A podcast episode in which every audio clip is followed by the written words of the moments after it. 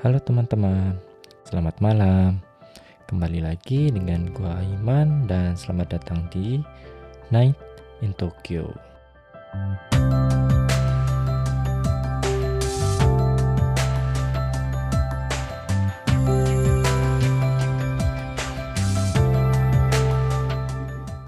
Halo teman-teman, kembali lagi dengan gua Iman di Night in Tokyo. Udah dua minggu, ini berarti saatnya buat episode baru lagi. Uh, kita ngobrol-ngobrol tentang Jepang, berbagi informasi tentang Jepang juga. Jadi intinya teman-teman pada episode 18 kali ini gue pengen uh, cerita tentang salah satu film favorit gue. Film Jepang lebih tepatnya. Ya di antara film favorit kayak misalkan gue juga sering kok nonton film Hollywood. Kadang-kadang gue juga suka film Hollywood. Dan uh, apa ya kalau dibilang film Jepang itu memang secara teknologi kayak film Jepang nggak se apa ya nggak se advance kayak film Hollywood gitu.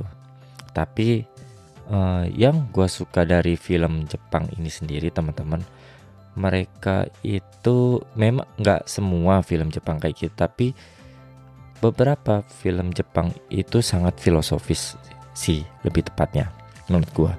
Kayak dia mikirin tentang jalan ceritanya konsepnya seperti apa nilai dibalik itu gitu. Jadi beberapa film bagus film Jepang yang bagus itu pun sebenarnya kayak uh, secara teknologi sih biasa aja gitu teman-teman.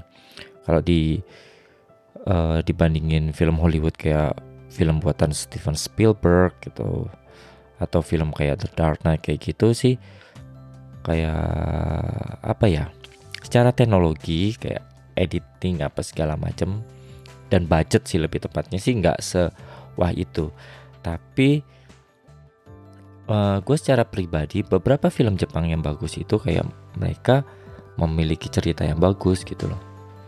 Yang sangat apa ya sangat hidup gitu sangat lekat dengan kehidupan kita terus kayak dia menceritakan apa ya konflik yang seperti uh, biasanya kita alami gitu uh, secara sehari-hari gitu nah film Jepang sendiri pun biasanya kayak dia lebih simple gitu loh secara jalan cerita nggak banyak intrik atau nggak banyak konflik tapi kayak mengalir aja gitu kayak ceritanya.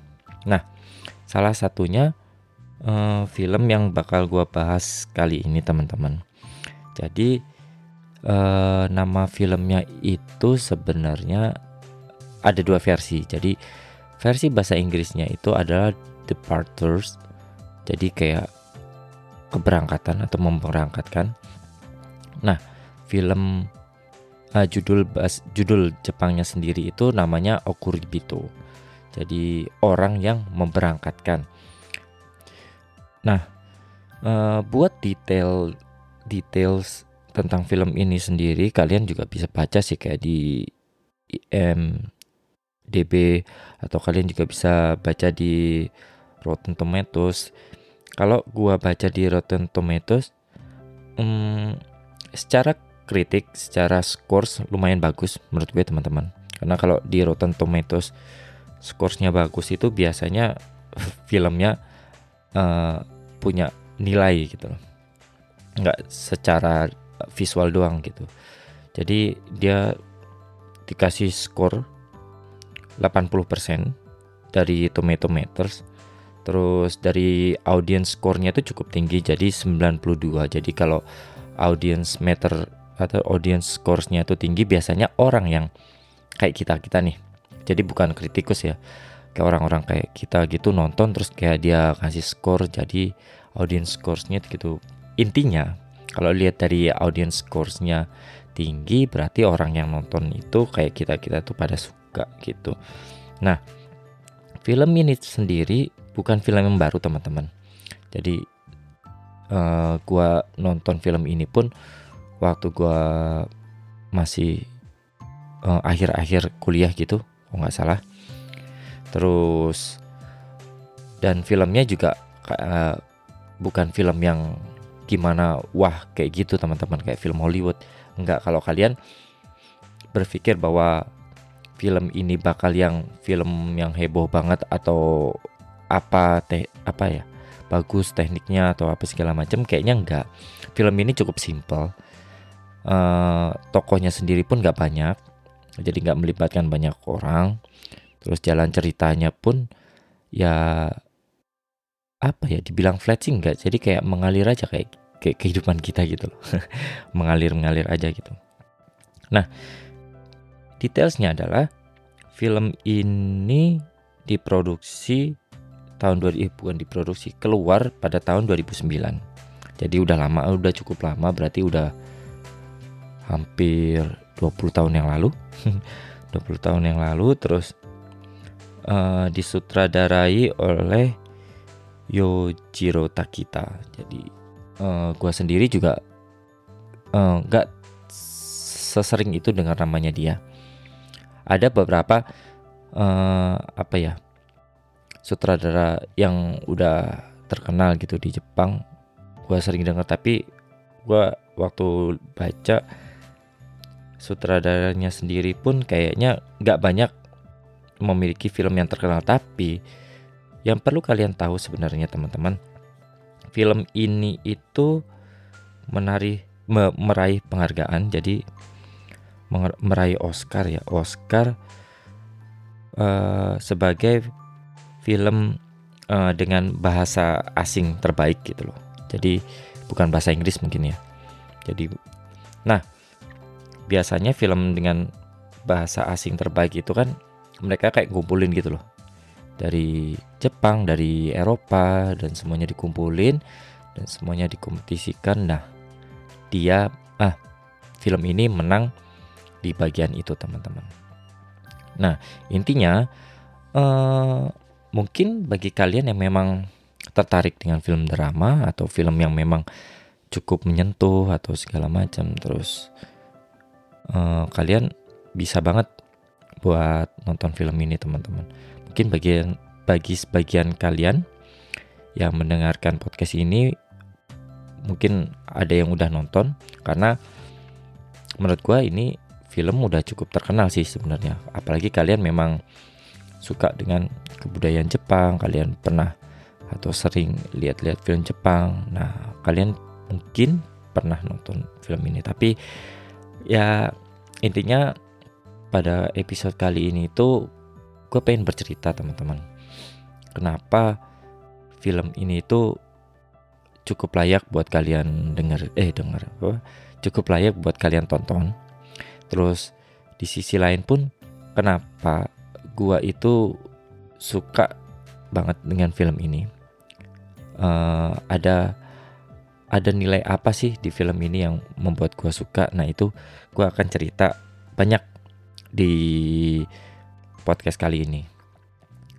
Uh, mungkin bagi kalian yang belum pernah nonton film ini, ya gue akan be bercerita kurang lebih jalan ceritanya tuh kayak gimana. Jadi mungkin yang buat kalian yang belum pernah nonton film ini jadi agak spoiler gitu ceritanya. Tapi menurut gue meskipun kalian udah nonton sekali dua kali udah tahu jalan ceritanya uh, film ini bukan termasuk yang film bakal bosen gitu loh buat dilihat berkali-kali ya jadi eh, nggak uh, usah khawatir menurut gue meskipun bocor-bocor dikit kayaknya kalian bakal tetap bisa enjoy uh, untuk lihat film ini teman-teman jalan ceritanya sendiri ini teman-teman uh, pemeran utamanya itu namanya Daigo Kobayashi jadi dia adalah pemain cello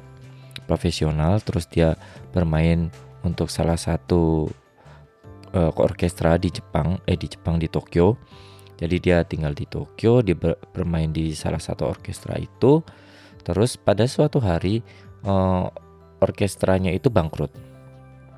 Jadi dia otomatis dia jadi pengangguran terus dia bingung juga mau ngapain ditambah uh, cicilan buat beli selonya itu mahal banget jadi dia akhirnya jual selonya dia nggak bermain selo lagi secara profesional terus akhirnya dia kembali ke uh, kampung halamannya dia teman-teman di mana sebenarnya dia punya rumah di sana uh, rumah dari peninggalan ibunya.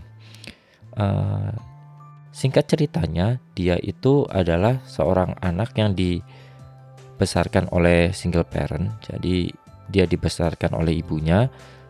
Bapaknya itu di cerita awal di awal ceritanya itu dia bilang bapaknya itu pergi waktu dia umur 6 jadi dia sendiri pun udah nggak ingat muka bapaknya tuh kayak gimana cerita tentang bapaknya tuh gimana. Dia pokoknya udah kayak lost memory gitu loh sama bapaknya. Nah ceritanya itu baru mulai ketika dia balik ke kampung halamannya dia.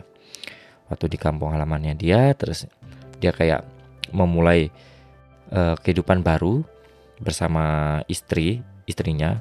Istrinya itu diperankan oleh Ryoko Hirosue mungkin kalian yang senang atau sering nonton film atau drama Jepang mungkin kalian pernah tahu dia karena dulu dia cukup terkenal tapi kalau sekarang udah jarang kayaknya dia main film lagi terus pokoknya dia memulai kehidupan baru di kampung halamannya dia. Jadi suatu saat dia itu uh, cari job hunting gitu, jadi informasi lowongan kerja di salah satu apa sih namanya koran atau newspaper. Di situ dia melihat pokoknya ada satu iklan yang menarik. Jadi kayak nama uh, nama perusahaannya tuh e NK Agent Agent NK gitu loh pokoknya terus kayak di tulisannya dia kayak membantu orang untuk uh, berangkat lah intinya kayak gitu. Dan dia pikir memang uh, nggak nggak nggak apa ya nggak ada detail cuma dia cuma bilang nggak perlu peng, nggak perlu peng, banyak pengalaman yang penting uh, mau kerja dan segala macam dan gajinya lumayan. Nah dari situ dia tertarik terus uh, dia datang kan ngelamar segala macam nah yang menariknya adalah teman-teman waktu dia melamar ke perusahaan itu rupanya nggak seperti yang dia bayangkan teman-teman. Uh, dia bukan perusahaan itu bukan uh, agent yang berhubungan dengan apa travel yang dia pikirkan. Rupanya teman-teman NK yang mereka maksud itu artinya adalah nokang yang artinya itu apa ya uh, kalau ada orang meninggal itu ada di Jepang itu ada pekerjaan yang uh, narok orang meninggal itu atau memberangkatkan orang itu terus ke dimasukin ke dalam peti. Nah, intinya eh, NK agent itu yang dia lamar itu adalah perusahaan yang mengurusi kayak uh, memberangkatkan. Jadi bukan memberangkatkan orang buat travel tapi memberangkatkan orang apa sih yang setelah meninggal gitu ke kehidupan yang selanjutnya kayak kayak gitu teman-teman jadi kayak uh, itu cukup mungkin bagi orang Cep bagi orang Jepang pekerjaan itu cukup tabu. Dan biasanya kalau pekerjaan tabu itu kan nggak banyak yang apa sih namanya nggak banyak yang melakukan. Jadi kayak secara maninya bagus makanya dia bilang uh, apa sih namanya gajinya lumayan ya memang lumayan gitu. Karena nggak banyak orang yang uh, apa sih melakukan hal kayak gitu. Jadi uh, mungkin waktu saat itu dia cukup kecewa gitu loh. Karena pertama dia mungkin udah punya pekerjaan yang prestis di Tokyo gitu. Jadi apa sih namanya pemain selo profesional terus tiba-tiba bangkrut dia jual selonya terus balik ke apa sih namanya ke kampung halamannya dia terus dapat pekerjaannya itu kayak uh, mungkin mereka menganggap menganggap pekerjaan itu tuh kayak pekerjaan rendah gitu loh teman-teman. Meskipun uangnya bagus gitu karena alasannya itu seolah-olah orang yang memiliki pekerjaan kayak gitu tuh memanfaatkan uh, atau ya memanfaatkan kesempatan di dikala orang itu waktu meninggal gitu. Jadi kayak uh, apa ya kalau orang bilang kalau orang Indonesia bilang tuh kayak pamali gitu loh. Jadi memanfaatkan situasi buruk orang gitu loh. Intinya kayak gitu. Nah dia uh, kayak apa ya pekerjaannya tuh banyak sih teman-teman tentang yang nokang itu. Pertama bisa uh, menjadi orang yang kayak membersihkan mayatnya terus kayak apa sih namanya memberi make up sebelum diberangkatkan. Atau juga biasanya kalau di Jepang itu suka ada orang-orang tua yang tinggal sendirian terus nggak punya nggak punya orang yang dekat dengan dia terus tiba-tiba meninggal. Nah itu tuh eh, apa ya menjadi salah satu pekerjaan mereka juga gitu. Jadi hmm, apa sih polisi atau apa pun itu orang yang kelurahan situ tuh manggil mereka buat memberangkatkan si apa sih namanya orang yang udah meninggal sendirian itu terus dibiayai pemerintah kayak gitu. Intinya kayak gitu. Nah pada awalnya teman-teman dia itu seperti yang gue bilang gitu kayak dia tuh kecewa gitu. Kenapa harus uh, berhenti dari kenapa harus orkestranya tuh bubar terus balik lagi ke apa sih namanya balik lagi ke kampung halaman terus dapat pekerjaannya pun yang kayak gitu gitu loh meskipun uangnya bagus. Nah ditambah karena buat orang yang belum punya pengalaman itu tuh kayak pekerjaan yang cukup menguras mental gitu loh teman-teman. Karena lu berhubungan dengan apa? Urusan dengan orang meninggal gitu loh. Dan itu bukan sebuah pekerjaan yang wajar gitu bagi dia. Bahkan dia sendiri pun kayak cukup menutupi pekerjaan itu. Jadi dia nggak uh, istrinya tadinya nggak tahu kalau dia itu pekerjaannya berhubungan dengan itu. Jadi dia kira ya tetap aja travel gitu. Karena waktu balik itu dia nggak cerita ke istrinya bahwa sebenarnya pekerjaannya kayak gitu. Karena bagi mereka kan uh, pekerjaan itu cukup rendah gitu loh tadinya gitu. Terus kayak temennya juga nggak tahu apa segala macam. Uh, dibalik dilema itu teman-teman. Perlahan perlahan dia kayak uh, jadi menikmati pekerjaan itu gitu.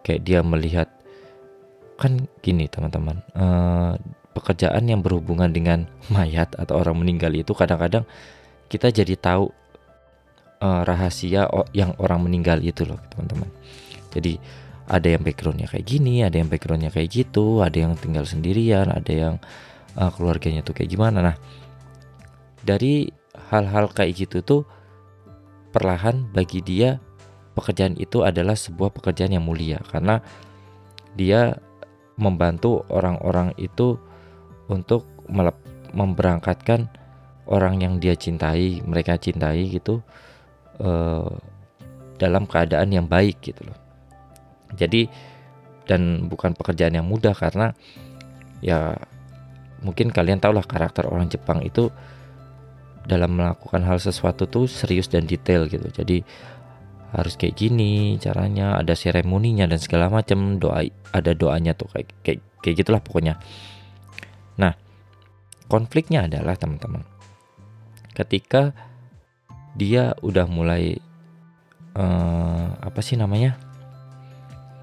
Dia udah mulai menikmati pekerjaan itu terus orang terdekatnya tuh perlahan tahu gitu loh bahwa dia kerjaannya tuh kayak gitu gitu loh. Sampai istrinya sendiri pun tahu gitu loh. Istrinya temennya temen masa kecilnya dia waktu di apa sih namanya uh, hometownnya dia atau kampung halamannya dia gitu jadi tahu tuh. Makanya uh, istrinya tuh tiba-tiba ninggalin dia.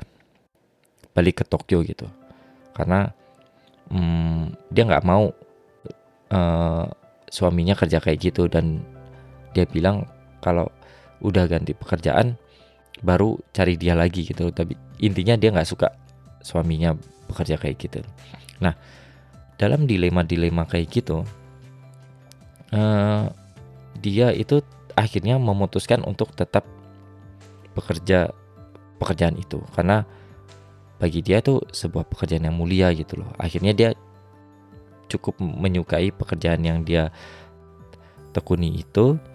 Terus ya intinya apa ya hmm, kekecewaan dia itu uh, yang dia rasakan waktu pertama kali datang ke kampung halaman itu perlahan hilang jadi dia kayak nggak menganggap pekerjaan itu menjadi sesuatu yang berat tapi dia malah udah mulai enjoy dengan pekerjaan itu karena yaitu dia membantu banyak orang dan segala macam. Nah pokoknya eh, seiring berjalannya waktu orang sekitarnya akhirnya eh, apa ya mengerti eh, di mana nilai yang dia pekerja yang dia lakukan gitu loh. Nilai pekerjaan yang dia lakukan karena akhirnya kayak dia mereka itu lihat bagaimana cara dia kerja gitu loh. Bahwa dia menekut, menekut, menekuni pekerjaan itu dengan serius dengan sepenuh hati. Uh, akhirnya mereka pun uh, apa ya setuju atau menerima bahwa si Daigo itu memiliki pekerjaan yang seperti itu teman-teman. Nah yang menariknya lagi adalah uh, apa ya? Dalam film ini itu kenapa gue suka dengan film ini itu adalah film ini cukup relate dengan apa yang gue pikirkan sebenarnya teman-teman. Jadi uh, kini udah udah bukan topik di ceritanya sih sebenarnya teman-teman. Jadi waktu gue itu kuliah gue itu pernah baca sebuah buku yang ditulis oleh orang Australia Rhonda Byrne itu tentang mungkin sebagian dari kalian udah pernah baca bukunya. Judul bukunya itu The, The Secret. Jadi intinya buku itu tentang bagaimana dia bilang uh, bagaimana dunia ini bekerja gitu loh teman-teman jadi kayak ada hukum tarik menarik gitu loh jadi dunia ini itu diciptakan oleh Tuhan sedemikian kompleks yang bahkan dunia ini itu bisa merespon apa yang kita pikirkan gitu loh. Jadi kalau kita mikirnya kayak gini ya yang terjadi kayak gini gitu loh. Kalau kita memiliki ketakutan kayak gini ya akhirnya yang terjadi adalah kayak gitu gitu loh. Jadi intinya adalah uh, saat gua baca buku itu tuh gua akhirnya sadar uh, secara pribadi gitu loh bahwa uh, siapa pun kita gitu di mana kita berada saat ini jadi saat ini kita di mana kita menginjakan bumi saat ini di mana kita berada saat ini jadi siapa kita profesi kita saat ini berteman sama siapa tinggal dengan siapa uh, ngumpul sama siapa terus melakukan apa itu adalah murni dari keputusan kalian teman-teman. Jadi intinya dari buku itu gue sadar akan hal itu gitu loh. Jadi nggak bijak juga kita ketika apa sih namanya uh, ketika ada sesuatu yang terjadi dalam kehidupan kita terus kita menyalahkan orang lain gitu loh. Karena pada dasarnya sebenarnya secara sadar atau tidak sadar itu adalah sebuah keputusan atau keinginan yang kalian uh, kalian lontarkan gitu loh. Ke alam ke dunia terus dia merespon balik dan mewujudkan semua hal kayak gitu. Jadi siapa pun kalian di mana pun kalian berada sekarang jadi apa profesinya apa ngapain itu meskipun itu adalah hal yang buruk itu adalah sebuah uh, keinginan atau keputusan yang kalian ambil. Intinya kayak gitu. Nah, dari situ teman-teman, apa yang membuat uh, gua suka dengan film ini adalah ada nilai kayak gitu di film itu teman-teman. Nah, itu tuh uh, nyambung di nanti ending dari film itu teman-teman. Nah, kalau kita melihat tadi secara konsep yang gue apa sih namanya gue pikirkan atau temukan waktu gue baca buku itu gitu tentang uh, keputusan dalam kehidupan kita gitu nah secara tidak sadar mungkin si Daigo ini sebenarnya uh, apa ya secara takdir atau keputusan dalam kehidupannya dia sadar atau nggak sadar itu tuh menggiring dia untuk balik lagi ke kampung halamannya dia dan menggiring dia untuk bekerja di uh, perusahaan yang mengurusi keberangkat memberangkatkan mayat itu teman-teman. Nah, kenapa? Kenapa? Kenapa ada orang yang pengen menggiring ke dalam hal kayak gitu?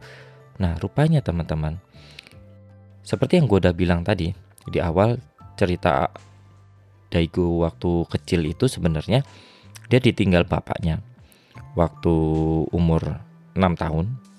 Jadi waktu kecil jadi dia sendiri pun gak ingat sebenarnya uh, muka bapaknya tuh kayak gimana. Jadi dia dibesarkan oleh ibunya dan sebenarnya luka itu atau pengalaman itu tuh masih menyakitkan bagi dia sampai sekarang gitu sampai dia besar gitu Nah, ke apa ya? Urusan yang belum selesai itulah yang secara tidak langsung kalau dalam cerita film ini ya, urusan yang belum selesai itulah yang secara tidak langsung membawa dia tuh balik lagi ke uh, kampung halamannya terus bekerja menjadi seorang yang memberangkatkan mayat. Kenapa? Ya agak spoiler sih, tapi karena di akhirnya nanti dengan uh, kehidupan yang dia jalani seperti itu dan profesi yang dia jadi sekarang gitu bukan bukan pemain profesional cello lagi tapi sebagai orang profesional dalam memberangkatkan orang yang meninggal itu membuat dia itu ketemu ayahnya teman-teman. Cuman yang membuat uh, ketemu cuman uh, dia ketemu dengan ayahnya itu pada saat ayahnya ya udah nggak bernyawa teman-teman. Jadi dia dihubungin karena dia menjadi satu-satunya keluarga yang masih ada hubungannya dengan bapaknya itu. Jadi bapaknya itu pergi kerja di salah satu pelabuhan lah pokoknya. Dan dia dan semua orang yang di sekelilingnya itu bilang dia sangat gigih kerja apa segala macam nggak ngeluh cuman dia nggak punya keluarga sama sekali gitu jadi hidup sendirian dan dia cuma punya satu alamat itu gitu yaitu alamat ibunya dan secara tidak langsung kan pasti karena sekarang Daigo tinggal di di rumah ibunya ya dia yang dikirimin uh, kabar itu gitu loh. Nah, seperti yang kalian pikirkan mungkin karena udah gue ceritakan kayak gitu karena dia adalah seorang yang memberangkatkan orang meninggal secara profesional ketika dia melihat bapaknya pun ya otomatis dia akan melakukan hal yang sama seperti dia melakukan pada klien-kliennya kayak gitu. Nah waktu dia Eh, ketemu dengan mayat ayahnya itu dia sendiri bilang gitu ke istrinya bahwa dia dia sendiri masih nggak inget gitu mukanya tuh kayak gimana? Waktu ngelihat muka uh, mayat meninggal eh mayat mayat bapaknya sendiri pun dia masih nggak inget dan masih merasa dia nggak apa ya nggak kenal dengan siapa orang yang berbaring di situ gitu loh. Terus karena dia adalah orang yang profesional memberangkatkan mayat jadi kayak mau nggak mau ya dia melakukan ritual atau hal yang sama kepada ayahnya gitu loh. Jadi kayak dibersihin terus karena mungkin udah lama nggak dicukur dan segala macem dicukurin sama dia sampai mukanya tuh bersih. Nah ketika mukanya itu bersih teman-teman akhirnya dia ingat uh, muka ayahnya gitu. Jadi dari situlah uh, sepertinya apa ya lebih tepatnya kayak dia itu menemukan puzzle yang hilang dalam hidupnya dia teman-teman jadi ya itu bahwa uh, puzzle yang hilang itu adalah sosok ayahnya dia yang uh, waktu itu meninggalkan dia waktu umur 6 tahun waktu masih kecil. Nah, dari cerita itu teman-teman, ap, nilai apa yang bisa dia yang kita petik yaitu kenapa gue suka dengan film ini? Karena gue merasa ada uh, hubungan emosional gitu dengan apa yang gue pikirkan waktu gue nonton itu. Bahkan sampai sekarang pun gue masih apa ya namanya uh, memegang nilai yang sama waktu gue pertama kali nonton gitu loh.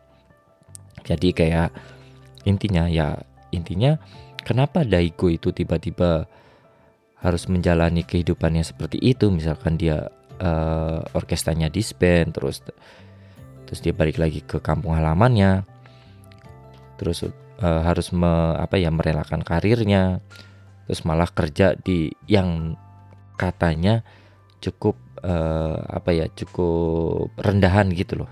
Karena dia memanfaatkan kayak katanya sih memanfaatkan kesempatan orang meninggal lah kayak gitulah intinya buat mendapatkan uang gitu. Nah, rupanya uh, kalau kita pikir uh, apakah itu menjadi kemauan oleh uh, kemauan dia gitu saat itu? Enggak, tapi uh, secara tidak langsung dengan luka atau puzzle yang di, dia rasa hilang selama ini itu uh, kayak dunia itu menjawab. Jadi dia itu secara tidak langsung ingin me, me apa ya menghil atau apa sih menyembuhkan lukanya dia. Dia ingin uh, melengkapi puzzle-nya dia yang hilang. Jadi secara dia sadar itu dia sendirilah yang menggiring dia untuk melalui jalan itu karena pada akhirnya dia sendirilah yang nantinya uh, apa sih namanya mengobati lukanya dia dan melengkapi puzzle yang hilang dalam hidupnya dia. Kayak gitu teman-teman. Nah dari nilai itulah kenapa gue merasa hmm, film ini itu sangat relate banget dengan apa yang gue pikirkan gitu teman-teman. Makanya gue demen banget sih emang dengan film ini. Memang bukan kalau kalau kalian dengar sekilas sebenarnya itu cuma kayak jalan cerita singkatnya sih. Jadi masih banyak detail ceritanya yang nggak gue ceritain karena mungkin bisa terlalu panjang. Hmm, seperti yang uh, intinya seperti yang lu de kalian denger nih, yang gue ceritain tadi, ya kayak gitu kebanyakan gitu loh. Film Jepang itu memiliki cerita yang simple gitu. Simple terus nggak bertele-tele tapi ada nilai yang dibawa gitu loh. Bahkan kalau kita lihat di film ini tuh nggak ada cerita apa ya namanya nggak ada karakter antagonis gitu loh. Kalau kita sering lihat film-film uh, kayak Hollywood atau film Indonesia mungkin kayak selalu ingin menghadirkan uh, karakter antagonis gitu loh. Kalau dalam film ini tuh karakter kayak gitu menurut gua nggak ada gitu loh.